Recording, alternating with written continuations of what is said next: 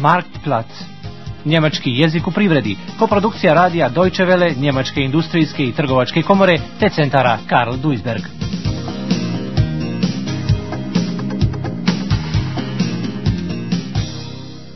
Deveta lekcija. Financiranje preduzeća. Da li je moguće da običan hobi preraste u veliki biznis kao što se to desilo Amerikancu Bill Gatesu? On se u studentsko doba oduševljavao programiranjem i sada se ubraja u najbogatije ljude na svijetu. Studenti iz Ahena, Saša Hanke i Jürgen Peter, pošli su njegovim stopama. Najteže je bilo na početku prikupiti i startni kapital. Polazilo im je za rukom, tu i tamo od pokoje banke dobiti i kredit. Mladići su zakupili slobodan prostor, kupili opremu i otvorili radnju sa kompjuterima. I što je u to vrijeme bilo neobično, mušterijama su nudili ne samo kompjutere, već i cijeli paket usluga, kao što su instaliranje, softveri i konsultacije. Mladi poduzetnici radili su 10 do 16 sati dnevno. Iako je dopit bila mala, pojerenje kupaca je raslo. Danas je stiglo 12 poručbi. Odjedanput, kao grom iz vedra neba, stiže poziv iz banke. Heute sind schon wieder zwölf Bestellungen für den neuen Computer gekommen. Du, sag mal Sascha, wie viele Rechner haben wir denn überhaupt noch da? Ich glaube, hinten im Laden stehen noch sechs oder acht. Und im Keller müssten auch noch so vier, fünf Stück sein. Spätestens morgen muss ich wohl nachbestellen. Was meinst du, könnten wir nicht für die Epsenbrucker nächste Woche ein Sonderangebot machen und 90 Mark runtergehen? Oh. Firma Hanke und Peter, guten Tag.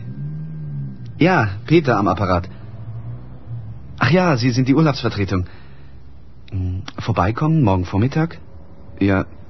Hm, worum geht's denn? Aha. Hm. Äh, Moment mal bitte. Sascha, das ist der von der Bank. Ob wir morgen Vormittag beide vorbeikommen können. Wieso? Gibt's Ärger oder was? Naja, er will sich mit uns über unseren Kontostand unterhalten. Ach du Sch Mehr will er am Telefon nicht sagen. Banka ih moli da navrate, vorbeizukommen, kako bi razgovarali o saldu na žiroračunu, sich über den Kontostand zu unterhalten. Na putu prema banci, ortaci su se skoro posvađali, račun je u crvenom. da skonto ist überzogen. Šta će se desiti ako banka odjedan put odbije da izmiri račune, rechnungen, i plati rate za leasing, leasing raten, iako ne ispostavi novac za plate namještenika, löhne der angestellten.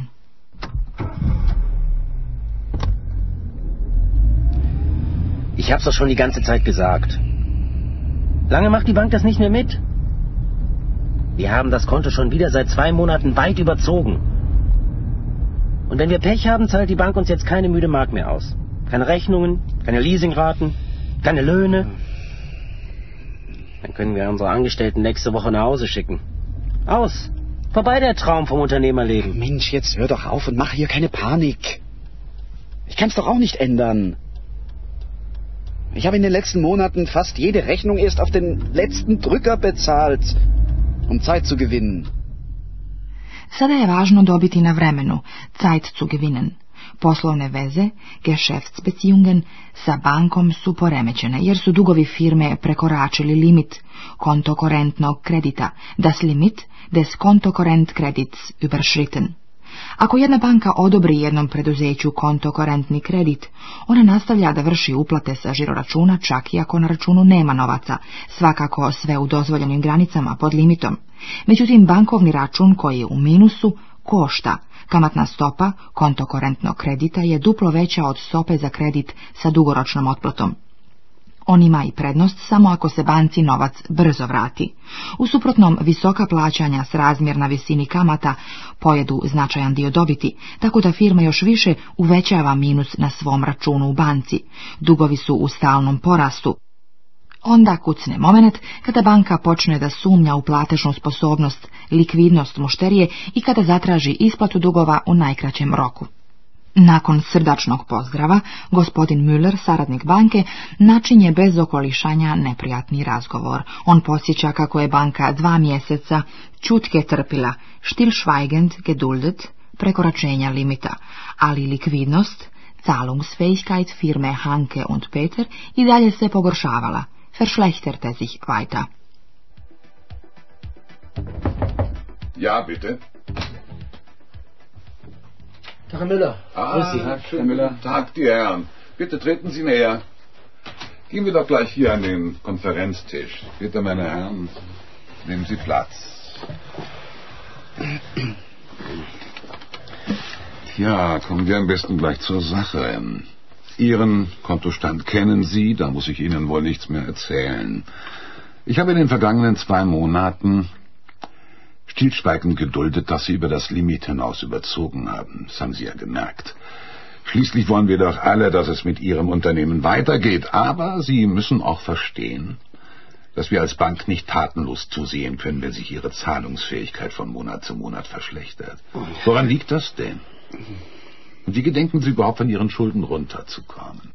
Poduzetnici opterećeni dugovima počeli su da se pravdaju, do uskih grla do duše dolazi, ali stanje se poboljšalo. Prodato je kompjutera i usluga u vrijednosti od 90.000 maraka.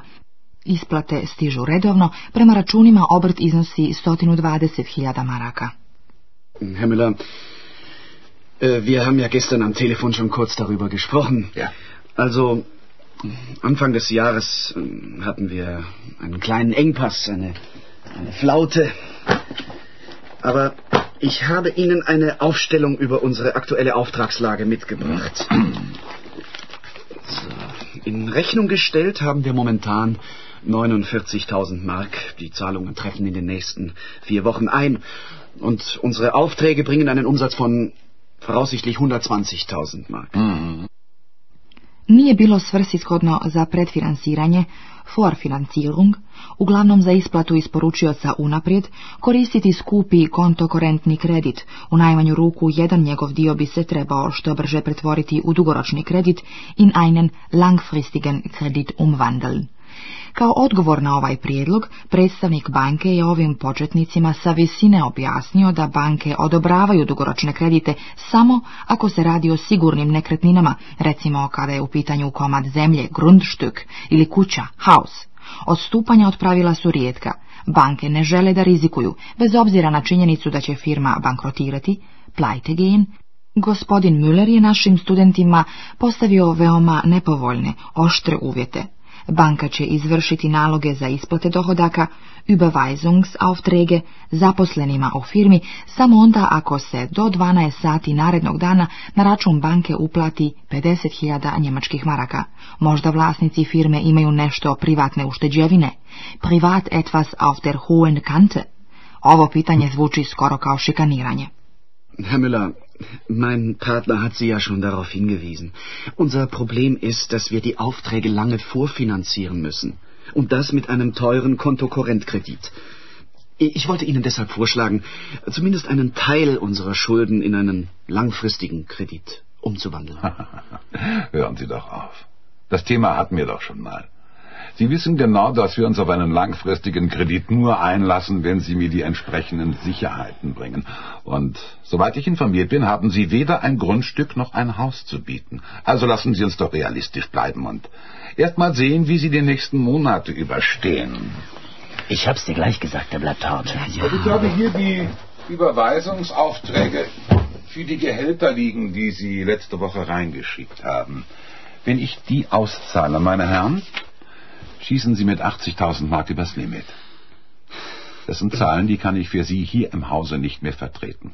Das ist für uns nicht mehr darstellbar. Aber Herr Müller, hören Sie mal, Sie wissen doch so gut wie ich, dass wir dicht machen können, wenn Sie unsere Leute nicht mehr bezahlen. Und wenn wir pleite gehen, können Sie lange auf Ihr Geld warten.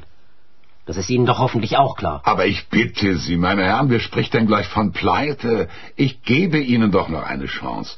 Wenn Sie mir bis morgen Mittag, sagen wir 12 Uhr, Zahlungen in Höhe von 50.000 Mark reinreichen, dann zahle ich die Löhne und die offenen Rechnungen und dann sehen wir weiter. Also nach Ihrer Auftragslage muss das doch zu machen sein. Lassen Sie sich halt was einfallen.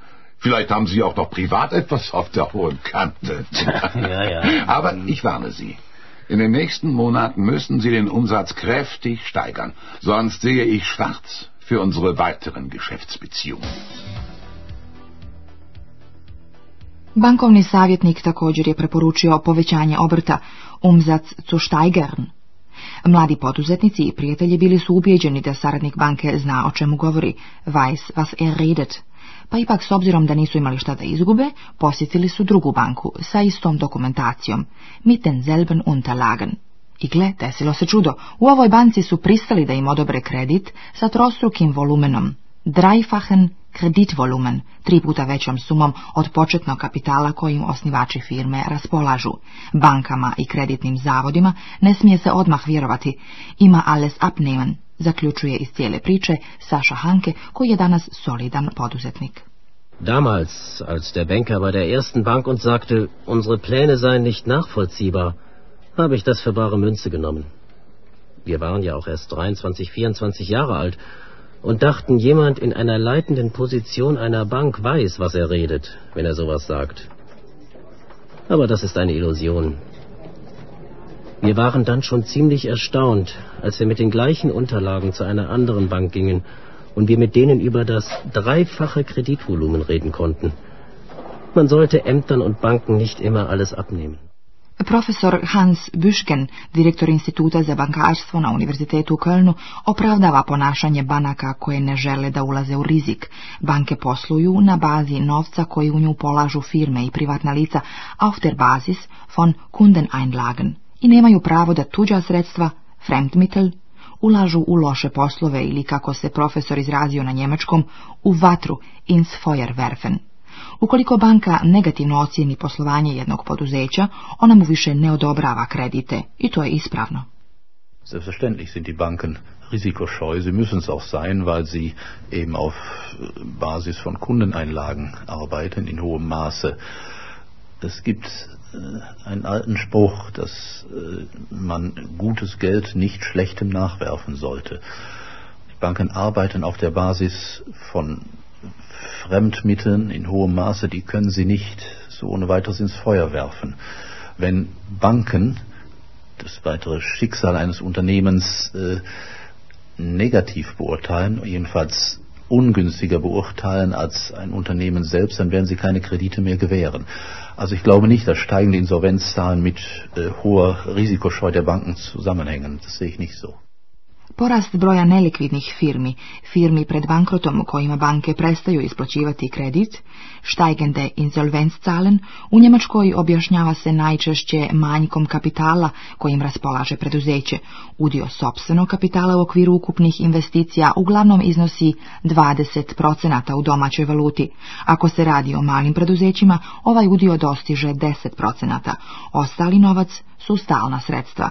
Čak neznatni gupici dovede ove firme na ivicu bankrota, stoga su banke veoma oprezne u dodjeli kredita. Uvijek se može desiti da mušterija, odnosno firma, potpuno izgubi likvidnost, dakle sposobnost plaćanja. Našta banke obraćaju pažnju prilikom dodjele kredita.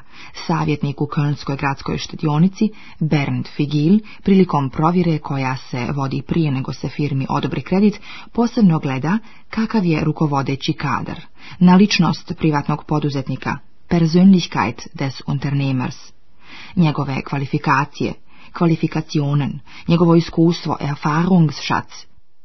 Važne su i perspektive koje ima njegova branša, Branchenaussichten, tržišta za plasman robe, Absatzmärkte i još mnogo toga.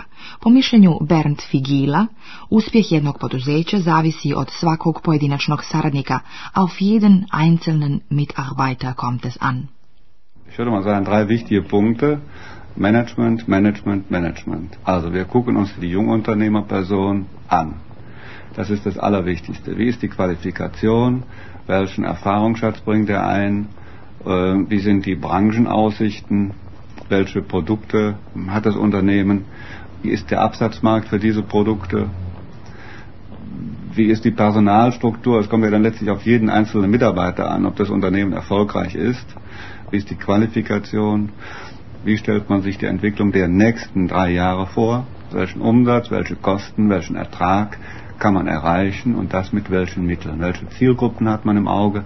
Wir versuchen also dieses Vorhaben nachzuvollziehen, ob es plausibel uns erscheint. Profesor Büschgen smatra da banke u ekonomskom sistemu preuzimaju ulogu filtera koji vrši selekciju firmi na jaka preduzeća i ona koja nemaju perspektivu. Istovremeno on je morao priznati da se banke ponekad varaju u svojim procjenama, posebno kada je riječ o novoosnovanim preduzećima. Konačno je upravo firmi koja se tek otvorila veoma teško dobiti početni kapital.